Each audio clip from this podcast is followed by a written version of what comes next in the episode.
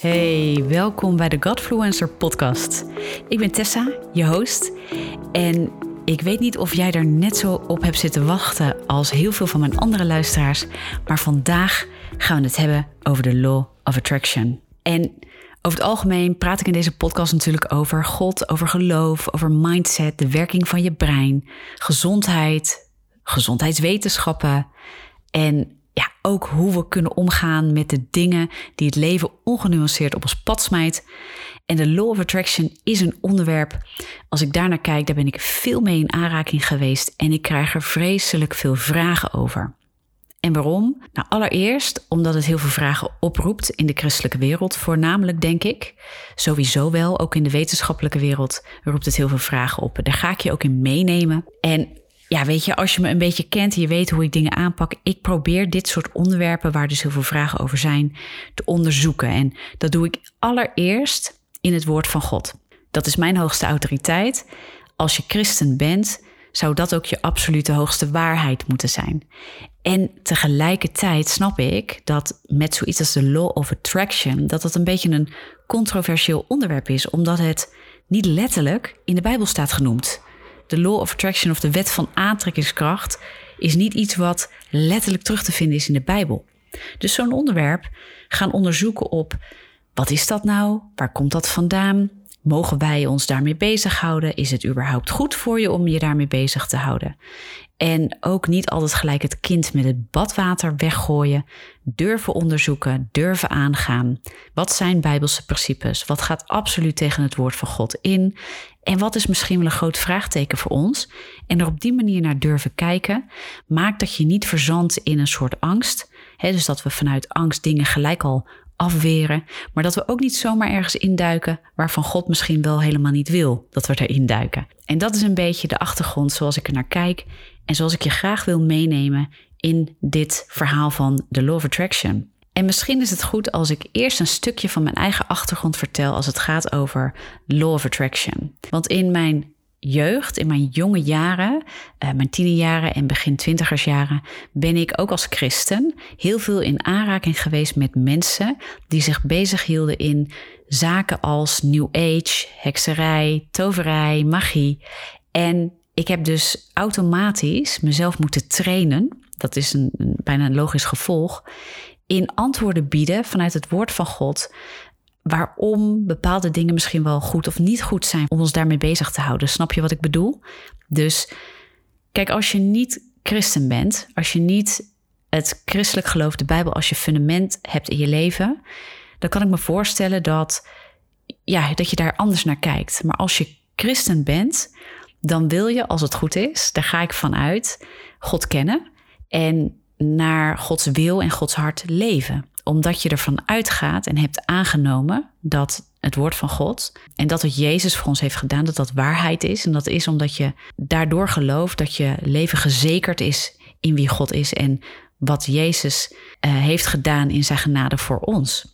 Dus het christelijk geloof heeft een aantal absolute fundamenten wat het christelijk geloof tot het christelijk geloof maakt. Maar er zijn ook heel veel gebieden uh, die niet zo essentieel zijn als die fundamenten. En daar komen we altijd in een soort zoektocht van hey, is dit nou bijbels? Is dit niet bijbels? Het staat niet letterlijk genoemd. Hoe moeten we ermee omgaan? En ik hoop vandaag dat je naar aanleiding van wat ik je allemaal vertel en wat ik allemaal heb onderzocht, dat je op basis hiervan ook onder andere een keuze kan maken van, joh, wil ik hier nou mee bezig zijn? En hoe moet ik hier nou naar kijken? En ja, waarover twijfel ik? Misschien heb je heel veel vragen en misschien heb je heel veel dubbele gevoelens bij dit ding. En dat is precies wat ik van heel veel christenen heb teruggehad.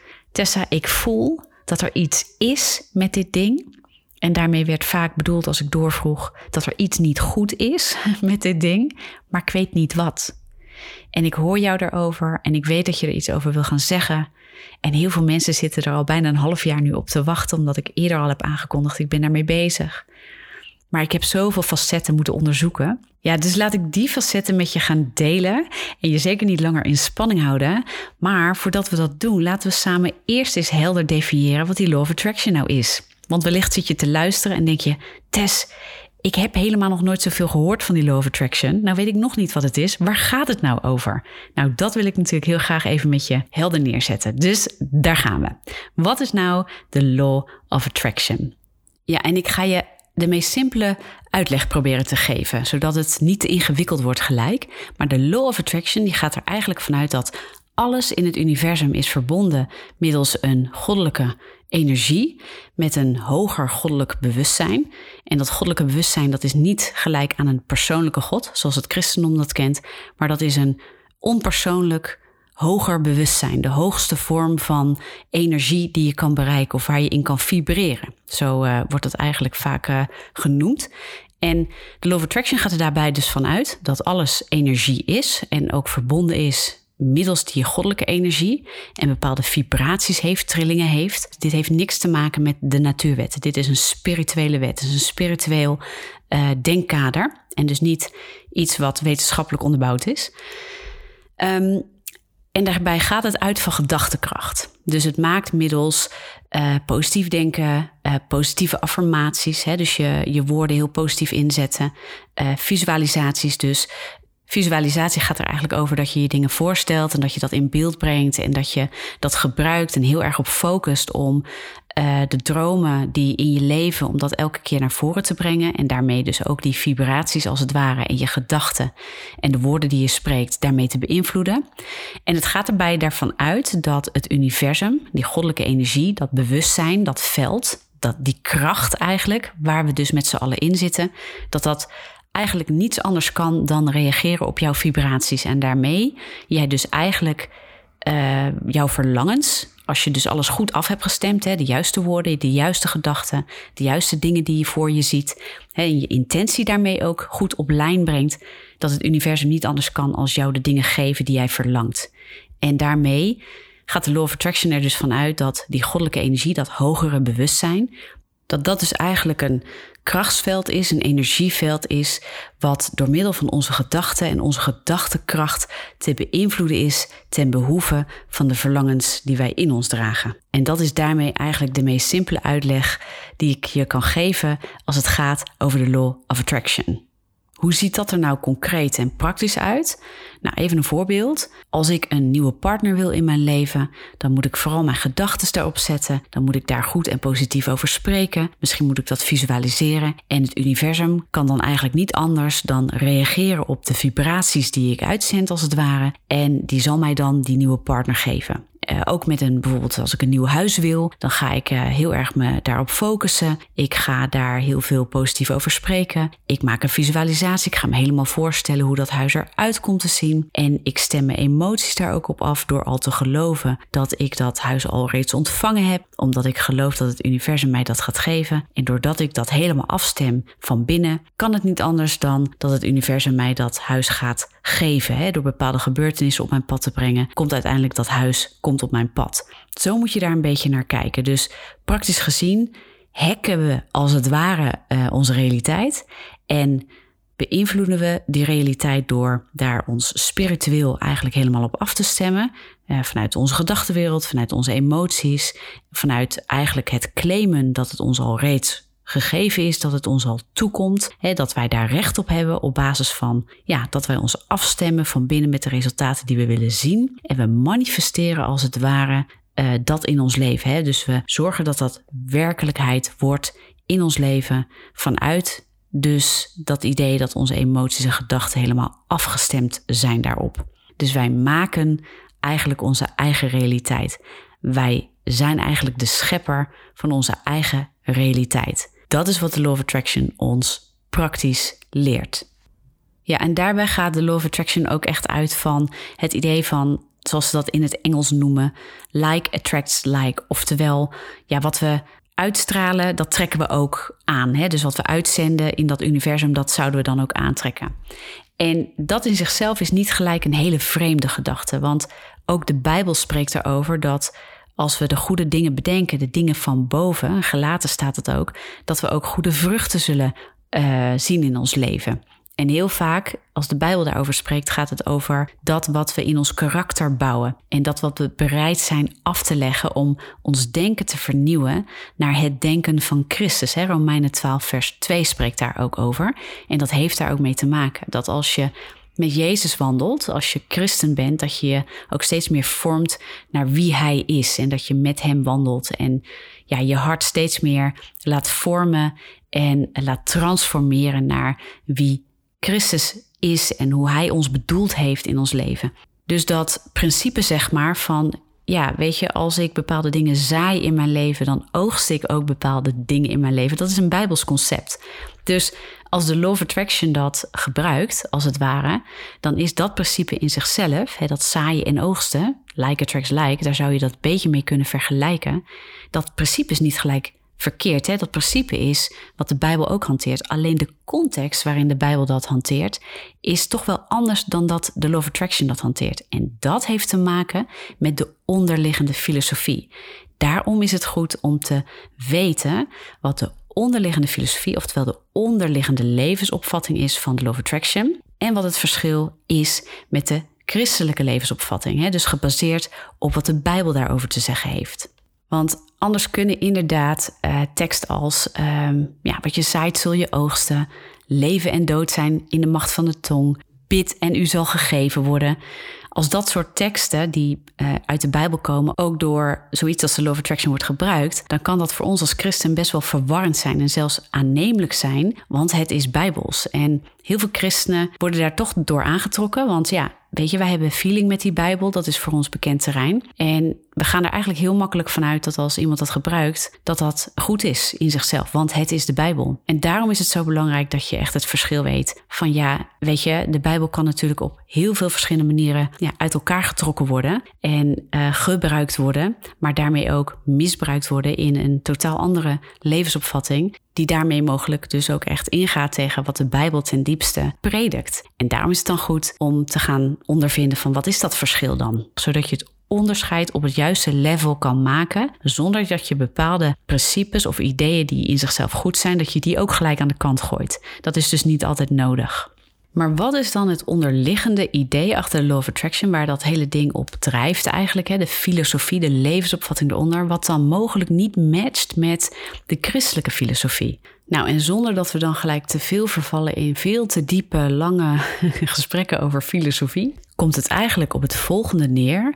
Want de Law of Attraction kan ook niet los gezien worden van de filosofie, de levensopvatting die daar dus onder ligt. Want die gaat ervan uit, en ik heb het eerder al genoemd, dat het universum God is. En dat dat een onpersoonlijke, goddelijke energie is. Dus God is een energie. En omdat het universum God is en alles in dat universum verbonden is in die energie, is daarmee God in alles en alles is God. En het doel van de mens is eigenlijk te ontdekken dat zij onderdeel is van deze goddelijke energie en daarmee van nature intrinsiek God is, goddelijk is. En wat daaronder schuil gaat is dat de mens dus eigenlijk zichzelf steeds meer moet ontwikkelen en dat hogere bewustzijn, die hogere energie, eigenlijk steeds meer ruimte moet geven in zijn of haar leven en daarmee zichzelf positioneert uh, als zijnde God, gelijk aan God, gelijk aan die goddelijke energie. Een groot verschil met het christendom en ook iets wat haaks staat op de christelijke opvatting. Want de christelijke opvatting zegt heel duidelijk dat de mens niet langer sinds de zondeval intrinsiek goddelijk is. Daarbij is de Bijbel ook heel duidelijk over de relatie tussen God en zijn kinderen. Dus wij zijn geschapen als schepsel en God is de schepper. Het universum is ook een deel van zijn schepping. En Romeinen 1, vers 25 zegt ook heel duidelijk dat wij als mensen niet de schepping moeten aanbidden, maar dat we de schepper moeten aanbidden. Dat is onze bedoelde relatie met God. Maar door de zondeval zijn wij uit onze relatie met God gevallen, zijn wij in onze zondige vleeselijke natuur gevallen. En het doel voor de mensen in het christendom is niet dat wij gaan ontdekken dat wij een goddelijke natuur hebben, maar dat wij de relatie met God moeten herstellen. Niet door eigen werken, maar door het verlossingswerk van Jezus Christus. En op het moment als wij Jezus Christus hebben aangenomen als onze verlosser, dan ontvangen we de Heilige Geest en zijn we in onze goddelijke relatie hersteld met God. Dat maakt ons geen God. Wij blijven het schepsel in relatie tot God. En God is een persoonlijke God. God heeft een eigen wil. God is heel helder over wie Hij is. Hij identificeert zich ook en is heel duidelijk over de relatie die Hij heeft met zijn kinderen, met de mens. En daarin is het heel belangrijk om te snappen dat de Bijbel superhelder is over het feit dat wij niet bedoeld zijn om ons te verheffen als God zelf.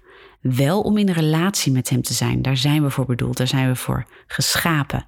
Maar niet om ons te verheffen als God zelf of te ontwikkelen als God. En wat dan heel belangrijk is om daarin ook uh, te begrijpen, is dat de Bijbel dat stuk ook belicht, namelijk het occulte. En dat is het gebied waar mensen zich begeven als ze zich met spiritualiteit bezighouden of het goddelijke willen gaan ontdekken voor zichzelf, zonder in die herstelde relatie met God te zijn. dus de Bijbel benoemt dat ook in zowel het Oude als Nieuwe Testament als afgoderij en toverij, waarin we eigenlijk de spirituele wereld zelf ontdekken op eigen houtje, als het ware vanuit onze vleeselijke gevallen natuur, dus buiten die relatie met God. En dat we daarin dus eigenlijk die spirituele wereld ja, proberen te sturen, te manipuleren, nou, hoe wil je het noemen. Maar in ieder geval zelf willen controleren. En de Bijbel is daar heel duidelijk over dat we daarmee eigenlijk ons koppelen, omdat we niet in de relatie met God zijn, maar wel het spirituele zoeken, dat we ons gaan koppelen aan andere bronnen, aan andere geestelijke entiteiten de Bijbel beschrijft dat heel duidelijk als demonische machten, duistere machten, waar we dan aan gekoppeld raken. En de Bijbel beschrijft ook dat de duivel zich voordoet als een engel des lichts. Hè? Dus het kan heel interessant lijken voor ons om daarmee bezig te zijn. Kan heel mooi klinken, kan zelfs heel aannemelijk klinken. Want laten we eerlijk wezen, als christenen kunnen we best wel even in de verwarring komen op het moment als we denken: ja, weet je, maar de Bijbel spreekt ook over um, God in ons op het moment als we de Heilige Geest hebben ontvangen. Dus je zou kunnen denken, ja Tess, luister, eh, de Bijbel spreekt toch ook over een goddelijke uh, inwoning, hè? dus God in ons uh, nadat we de Heilige Geest hebben ontvangen. En dat klopt natuurlijk ook. Alleen de voorwaarde daarvoor is wel dat we eerst onze zondige natuur hebben ontdekt, zeg maar, en ook hebben erkend. En dat we hebben erkend, hey, we hebben Jezus Christus nodig als onze verlosser om dat tot herstel te brengen. En vanuit die herstelde uh, situatie ontvangen we de Heilige Geest en is God weer verbonden met ons. De Bijbel is ook helder erover dat we daarin met Hem het koninkrijk van God, het goddelijke mogen ontdekken. Maar dat we dat dus niet los daarvan kunnen doen, omdat we daar niet kunnen komen zonder Hem. En wat daarbij ook gewoon heel belangrijk is om te erkennen en te herkennen, is dat God ten alle tijden wel spreekt over dat we weer kunnen hersteld zijn in de relatie met Hem, maar daarmee nooit gelijk worden aan Hem in de positie als schepper. Weet je, hij blijft God de Vader en wij blijven zijn schepsel, zijn kinderen. Daarin verandert niks. Hè? Wij worden nooit aan God gelijk. Weet je, en dit is gewoon even de meest korte en ik hoop meest heldere uitleg van het verschil tussen de filosofie die onder de Law of Attraction ligt en de filosofie die onder het christendom ligt. Omdat dat wel echt een wezenlijk verschil is en een fundamenteel verschil.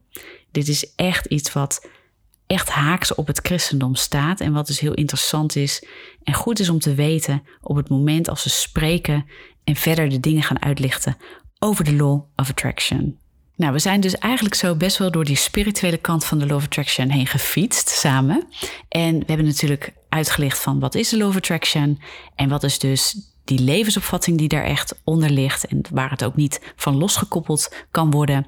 En ik hoop dat je ziet dat de of Attraction in eerste instantie dus eigenlijk heel erg vanuit een spirituele hoek de dingen benadert. En dat het daar dus ook niet los van kan worden gezien. Terwijl ik heb gemerkt dat een aantal facetten die worden gebruikt in de of Attraction ook wel vanuit de wetenschap benaderd kunnen worden. Even los van een spiritueel denkkader. Even los van spirituele zaken, geestelijke zaken. Dus als je me een beetje kent, dan weet je ook dat ik ook daar graag op induik. En dingen als positief denken, positief spreken, uh, bezig zijn met visualisatie, dat ik daar ook naar heb gekeken vanuit die hoek. En het idee dat de Law of Attraction die dingen gebruikt hè, en als het ware toe-eigent als zijn de werkende principes binnen dat spirituele kader, dat wil niet zeggen dat deze dingen voorbehouden zijn aan alleen de Law of Attraction. Dus wat ik daarmee wil zeggen is, als jij je bezighoudt met ja, je mindset uh, positiever maken, hè, je richten op meer positiviteit in je leven, dat wil niet zeggen dat je daardoor dan automatisch met de law of attraction bezig bent. Moet je even loszien van elkaar. Maar het is wel goed om te bedenken hoe je daar dan dus mee bezig bent. En het mooie vind ik in de wetenschap is heel duidelijk aangetoond dat wanneer we met onze mindset bezig zijn op een bewuste manier, hè, dus sowieso bewuster leven, maar ook bewust ons uitstrekken naar positiviteit, positief denken, dat we onze belemmerende patronen, dat we die aan durven pakken en dat we gaan kijken van hé, hey, wat zit er in ons, wat geloven we nou echt, hè, wat zijn onze overtuigingen? En dat we daarnaar durven kijken en onszelf daarin toestaan te groeien, uh, waarbij de kwaliteit van ons leven ook kan verbeteren dus als je positiever in het leven staat, dan doet dat iets in je brein. Dat zijn dingen die zijn aangetoond in de wetenschap. Dat is ook met het spreken van positieve woorden. En dat moet ik wel gelijk heel duidelijk zijn. Alleen het spreken van positieve woorden, zonder dat je daar lading aan geeft in de zin van heb nagedacht over wat je gelooft, of je echt gelooft wat je zegt, dat heeft niet zoveel effect. Dat heeft zelfs vaak een teleurstellend effect. Maar als je bezig bent met positieve woorden in je leven uitspreken. Omdat je bezig bent met nou ja, je leven positief in te delen, hè, als het ware. Dus je leven een positieve richting te geven. Dan weten we dat het in je brein ook heel veel positieve nieuwe verbindingen legt.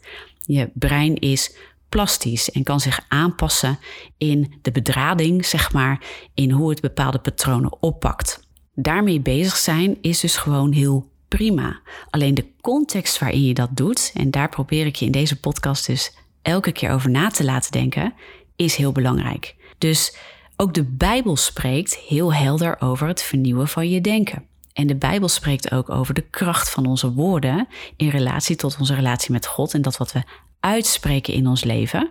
En spreekt inderdaad bijvoorbeeld in spreuken ook over het dood en leven is in macht van de tong. Maar het is niet zo dat onze woorden een op zichzelf staande kracht zijn waarmee we de omgeving kunnen manipuleren, als het ware. Want dat is waar eigenlijk de wetenschap en het spirituele kader van de Law of Attraction gewoon niet matchen. Daar gaat het ergens in een conflict komen en dat moet je ook even van elkaar lostrekken. Dus wetenschappelijk ermee bezig zijn in de zin van: hé, hey, ik wil de kwaliteit van mijn leven verbeteren. Ik wil positiever in het leven staan.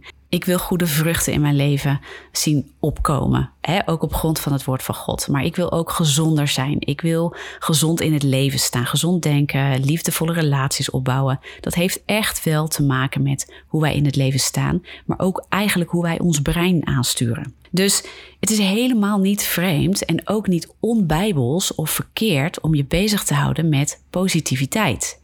Wat wel verkeerd is, denk ik, of waar ik heel vaak schade heb gezien bij mensen, is dat mensen dus gaan geloven, eigenlijk veel meer op basis van de Law of Attraction dan op Bijbelsgrond, dat zij eigenlijk ook geen negativiteit meer mogen denken en spreken. Begrijp me goed, het is goed om het aan te pakken in je leven, maar dat ze eigenlijk in een soort mindset komen waarbij ze zichzelf opleggen: ik mag niks meer negatiefs denken en spreken, want dan manifesteer ik dat in mijn leven. Dat is een angst. Die komt 9 van de 10 keer uit een denken wat heel erg lijkt op dat uit de Law of Attraction. want je manifesteert alles wat je denkt. En als jij heel negatief denkt, zou je dus ook alle negativiteit in je leven manifesteren.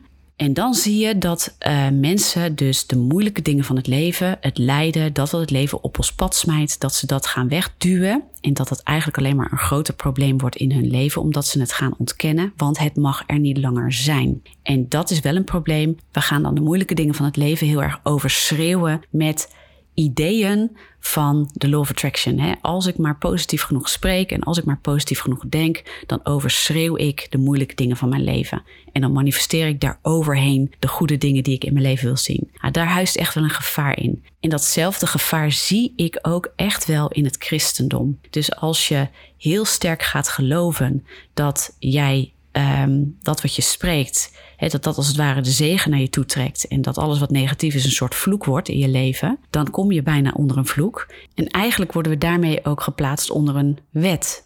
Het heet ook niet voor niets de wet van de aantrekkingskracht, de law of attraction.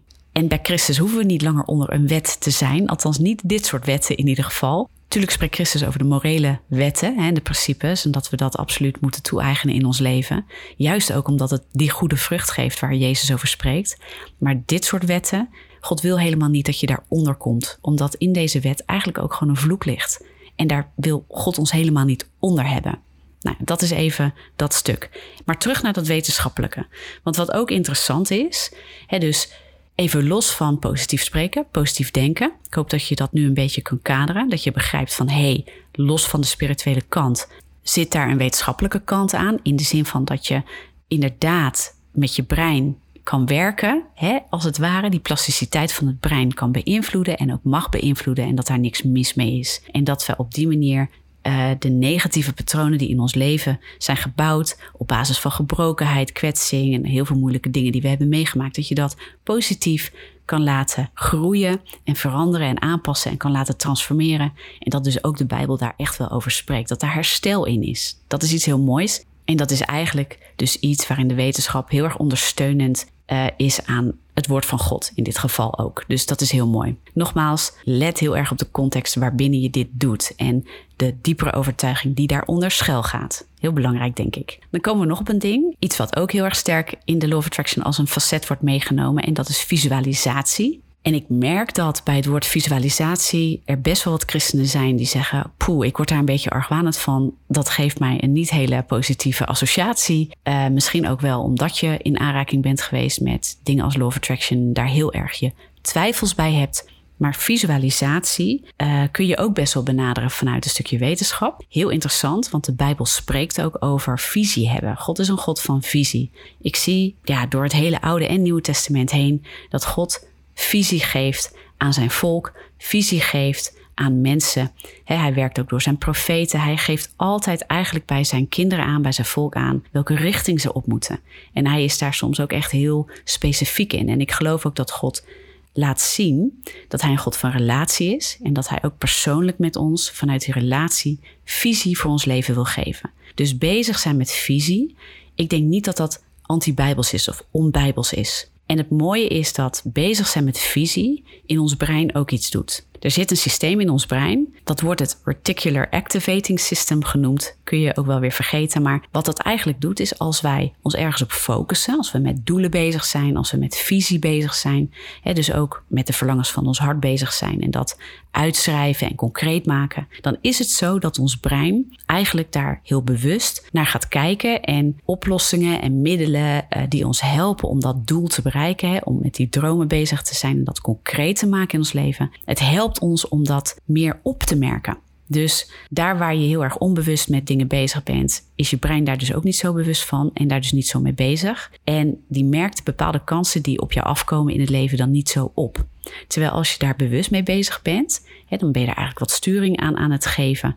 Dan is het zo dat dit systeem in jouw brein ook heel erg gefocust raakt op jouw buitenwereld. En in die buitenwereld, in het dagelijks leven, in jouw alledag, de middelen en de mogelijkheden en de kansen heel erg opmerkt die passen bij waar jij mee bezig bent. En dat helpt je natuurlijk om ook die kansen dan aan te grijpen. Terwijl als je er onbewust in zou staan, dat je het misschien niet eens ziet. Nou, en dat is wel heel interessant.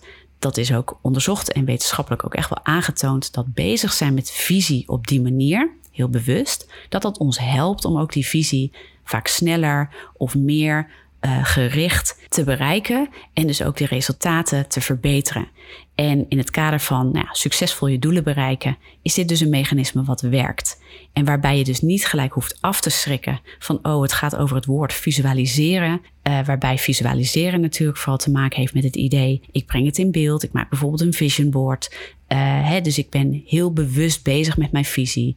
Ik ben erover aan het nadenken. Ik ben daar dingen over aan het uitschrijven. Daar hoef je niet gelijk bang te zijn dat dat dus spiritueel niet goed is. Wat je hierbij gewoon even helder moet onderscheiden, is dat visualiseren in dit geval niet hetzelfde is als manifesteren. Dat is het wel vanuit de Law of Attraction. Daar wordt de term visualisatie heel erg in verband gebracht met manifesteren. Visualisatie is daarbij simpelweg een middel om de dingen in je leven te manifesteren, door je daar op af te stemmen, door die vibraties te verhogen en ja, in overeenstemming te brengen met de resultaten die je wil zien. Maar dat is niet zoals de wetenschapper naar kijkt en die koppelt dat dus ook niet samen. Dus vanuit die hoek en ook vanuit Bijbels opzicht heeft visualiseren niks te maken met manifesteren. Helemaal niet zelfs wat visie op die manier doet. Kijk, als je, stel dat je een vision board maakt. Hè, want een vision board kan ook deze gevoelens oproepen. Dat je denkt, nou, dat is niet goed, want dan ben je bezig met manifesteren.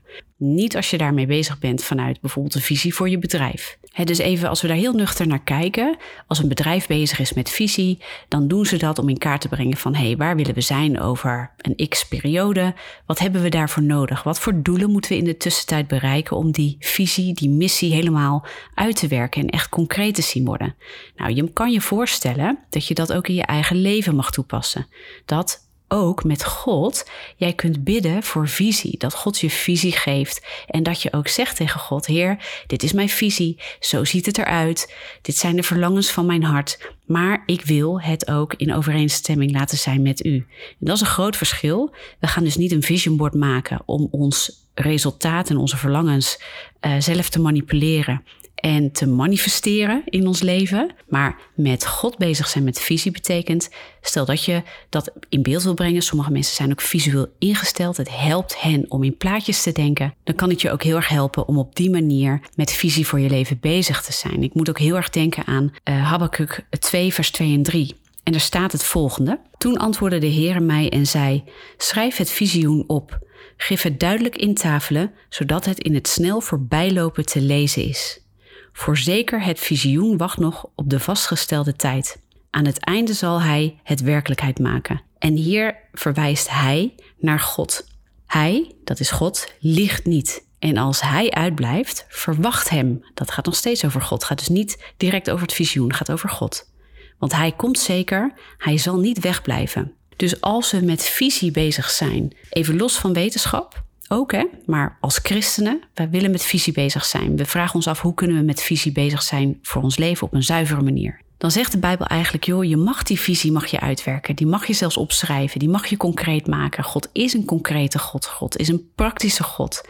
God kun je betrekken in de strategie. Hoe kom ik daar, Heer? Als deze visie wat in mij leeft ook uw goedkeuring heeft. Open dan de deuren voor mij. Laat me de kansen zien. Uh, dank u wel, Heer, dat u voorziet in de middelen en de mogelijkheden, zodat het ook doorgang mag krijgen. Maar wat wij ook als christen dan eigenlijk in datzelfde gebed mogen neerleggen is: Heer, als dit niet van u is, sluit dan de deuren. Laat mij zien wat wel uw visie is. Stuur mij bij. Het dus wat Habakkuk ook eigenlijk zegt, ik vind dat een heel mooie, mooie tekst, is dat we zeker, zeker absoluut met visie bezig mogen zijn, maar dat we ons niet moeten verliezen in de visie zelf, maar dat we God moeten verwachten en het moeten blijven verwachten van Hem. En dat we daarmee dus ook eigenlijk onze dromen en verlangens in Zijn handen blijven leggen en daarmee ook afstemmen op het hart van God en op de visie van God. En daarmee ook zeggen: het is niet mijn droom en niet mijn verlangen dat de boventoon voert in mijn leven, maar u bent het die de boventoon voert in mijn leven. En dan ben je dus niet bezig met manifesteren, dan ben je bezig met het zoeken van Gods wil voor je leven. Het is een hele andere benadering dan wat de Law of Attraction doet. Dus nogmaals, ik kan me heel erg voorstellen dat woorden als visualisatie en uh, vision boards, dat dat iets opwekt. Als je daar dus uh, gewend van bent een negatieve associatie mee te hebben. Maar probeer het eens te bekijken ook op deze manier. Dus deze dingen zijn niet voorbehouden voor de Law of Attraction. Deze dingen worden wel gebruikt in de Law of Attraction. En in de Law of Attraction worden die inderdaad direct gekoppeld aan manifestatie. Maar daarbuiten niet en bijbels gezien al helemaal niet. Wat wel zo is, denk ik, waar je als christen ook gewoon bewust van moet zijn, is dat als je met visualisatie bezig bent en je bent met de verlangens van je hart bezig, als dat een idol wordt in je leven, als dat een afgod wordt in je leven, dan wordt het wel een ding. Dus als je gaat merken dat je dusdanig met succes en met uh, voorspoed bezig bent in je leven, dat het eigenlijk boven God staat in je leven. En dat je grote main focus, dat je hoofdfocus, die resultaten worden in je leven. En dat je eigenlijk meer vertrouwen gaat hebben op ermee bezig zijn en de methodiek van het visualiseren meer dan dat je vertrouwen en geloof hebt in God, ja, dan kom je wel op heel dun ijs, zeg maar. En ik denk dat dat gewoon gebieden zijn waar je heel erg moet opletten. Dus heel interessant voor jezelf, neem dit mee. Denk daarover na. Ik geloof absoluut op grond van de Bijbel dat je met visie bezig mag zijn, met doelen. Dat je de verlangens van je hart kenbaar mag maken aan God. Maar dat het ook belangrijk is dat je heel goed de context blijft bekijken voor jezelf. Dat je niet zomaar in allerlei filosofieën en opvattingen stapt die mogelijk echt ingaan tegen wat de Bijbel fundamenteel aan ons onderwijst. Dat je daar kennis van hebt. En dat je ook niet bang bent om daar eens naar te kijken van hé, hey, de Law of Attraction die, die eigent zich een aantal dingen toe.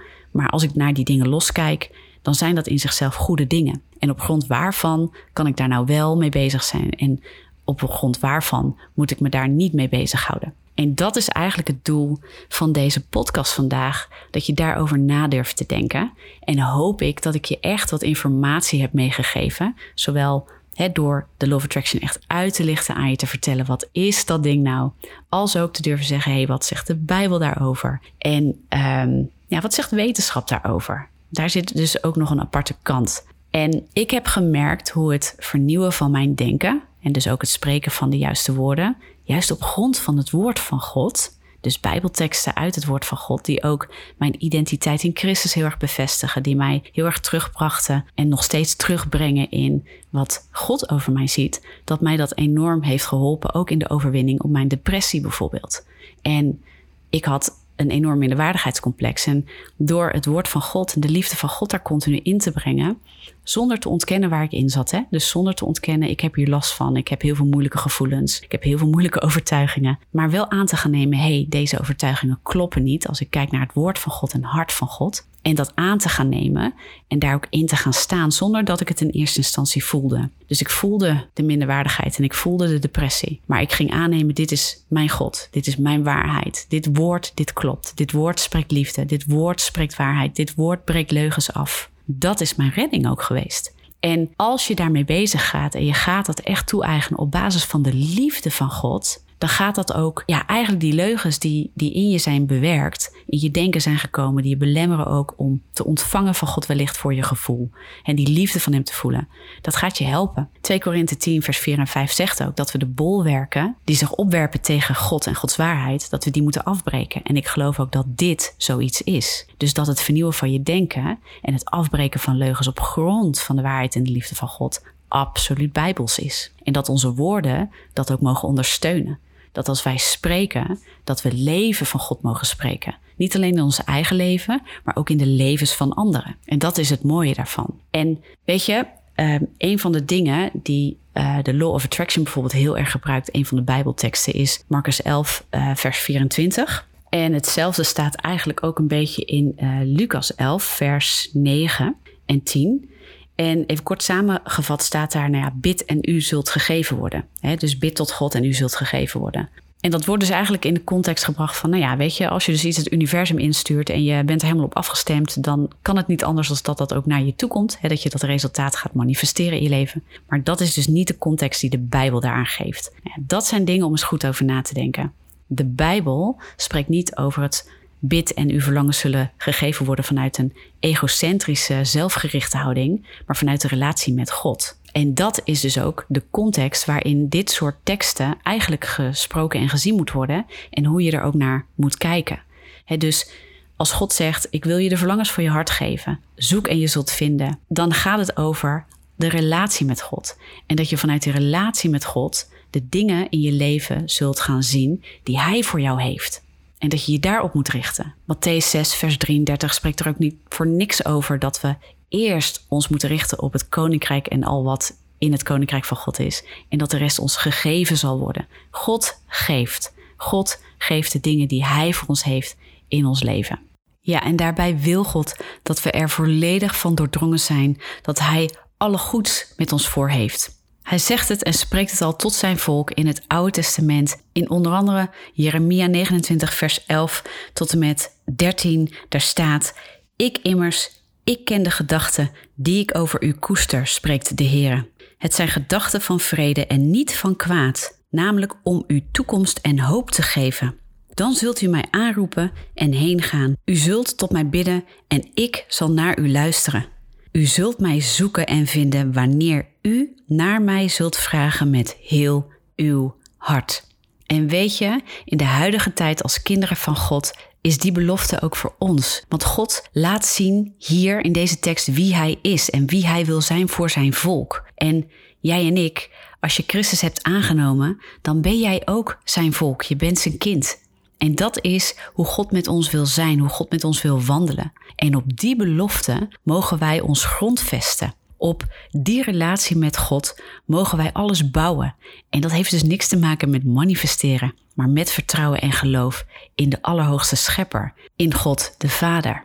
Nou weet je, en hiermee wil ik de podcast eigenlijk ook tot een afronding gaan brengen. Ik kan er echt nog heel veel over uitweiden en nog verdiepen en nog andere onderwerpen aanraken die hier ook ja, raakvlakken mee hebben en die hier ook over gaan en de onderliggende ja, denkmechanismes en overtuigingen en filosofieën. En ik kan je ook nu al beloven, er gaat nog meer van dit soort materiaal komen in deze podcast. Dingen die ook echt wel raken en ons laten nadenken over spiritualiteit. Waarbij ik je echt wil uitdagen, maar ook vooral wil helpen dat je je weg vindt met God samen in de dingen van het leven. En dus ook in spiritualiteit, in het geestelijke aspect van het leven. Niet voor niks, omdat juist ook de Bijbel daar ook zo helder in is en richting in wil geven. En God heel graag wil dat je met Hem wandelt en niet afdwaalt en niet onder bepaalde filosofieën komen die je aftrekken van Christus. Colossense 2 vers 8 spreekt daar ook heel duidelijk over. En ik ervaar dat ook echt een beetje als mijn missie dus naast dat ik ook heel graag over gezondheid praat en mindset en hoe we door het leven heen kunnen manoeuvreren, is dit ook een onderdeel daarvan, waarvan ik sterk ervaar dat ik daar echt iets mee wil doen. Ja, en ik bedenk me ineens, misschien vind jij het wel heel gaaf om bij te dragen aan die missie. Want dat kan. Ik heb sinds kort ook een stichting, een ministry. Tessa van Olst Ministries. Eigenlijk omdat ik met een team zoveel mogelijk van dit soort content wil blijven ontwikkelen en dat gewoon gratis de wereld in wil schoppen, als het ware, zodat mensen daarmee geholpen zijn. Maar natuurlijk zijn er ook wel financiën voor nodig. Maar misschien vind jij het gaaf om daarin te investeren en wil je met ons staan in deze missie. En dat kan en dat mag je doen als je dat wil. En daarvoor hoef je eigenlijk alleen maar even naar mijn website te gaan, tessavanost.com. Dan ga je naar slash word-partner en daar kun je veel meer informatie vinden. En dan zou het super gaaf zijn als je met een maandelijkse bijdrage echt mee wilt bouwen aan deze missie. En ja, ik sta daar echt voor in vuur en vlam voor de dingen van God te brengen en daar echt anderen mee toe te rusten, zodat mensen kunnen groeien in de relatie vanuit die waarheid en liefde met God. Ja, dus nogmaals, als je geïnteresseerd bent, ga naar tessavanost.com slash word-partner. En het streepje is een middenstreepje. Dus um, nou, daar vind je gewoon meer informatie. Superleuk. En ik kan je nu ook al verklappen dat ik op dit moment in gesprek ben met iemand die uit de New Age is gekomen en haar weg naar het christendom heeft gevonden. En wij daar waarschijnlijk dus dit jaar ook een keer over in gesprek gaan. En die podcastaflevering die zal dus ook hopelijk dit jaar uh, uit gaan komen op dit kanaal. Dus hou het zeker allemaal in de gaten. En natuurlijk als je geïnteresseerd bent in de werking van je brein en nou ja, over Gods woord en hoe wij daarmee om kunnen gaan uh, in alle aspecten van het leven. Ik vind het ontzettend leuk om je daar elke keer in mee te nemen. De zoektochten die ik heb gehad en die ik zelf nog steeds heb. En daarover gewoon met je te verdiepen en te delen. Zodat we samen die waarheid van God naar boven kunnen halen. En elke keer met Hem, ja, dat leven wat Hij voor ons heeft, ja, steeds meer in ons eigen leven te laten doordringen. Weet je, dat vernieuwen van je denken. Echt helemaal transformeren naar dat wat hij voor ons heeft. Dat is het doel. Ik kan me voorstellen dat je naar deze podcast heel veel vragen hebt. Of misschien dat je denkt, wow, dat is helder. Dat heb ik nog nooit zo gehoord.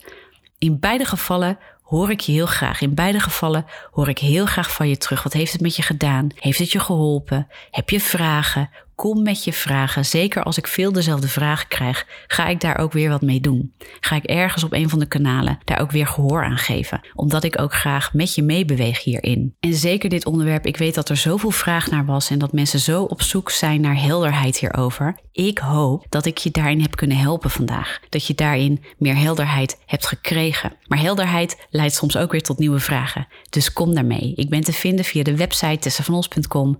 Ben te vinden op Instagram en op Facebook. Zoek me daar zeker op. Stuur me een DM. Vraag maar raak. Weet je, ask me anything. En dan ga ik kijken wat ik daarmee kan doen. Voor nu ga ik echt afsluiten en ik zou het ontzettend gaaf vinden als je een review achterlaat. Uh, zeker als je blij bent met de podcast. Op iTunes kan dat. En dat kun je natuurlijk ook doen door me te laten weten wat je ervan vindt. En door dingen te delen op de social media kanalen. Deel deze podcast of deel dat je er blij mee bent of dat je er wat aan hebt. Wijs andere mensen erop als je denkt dat ze daar wat aan hebben. En dan wens ik je voor nu een hele fijne dag en dan hoop ik snel tot ziens en be blessed.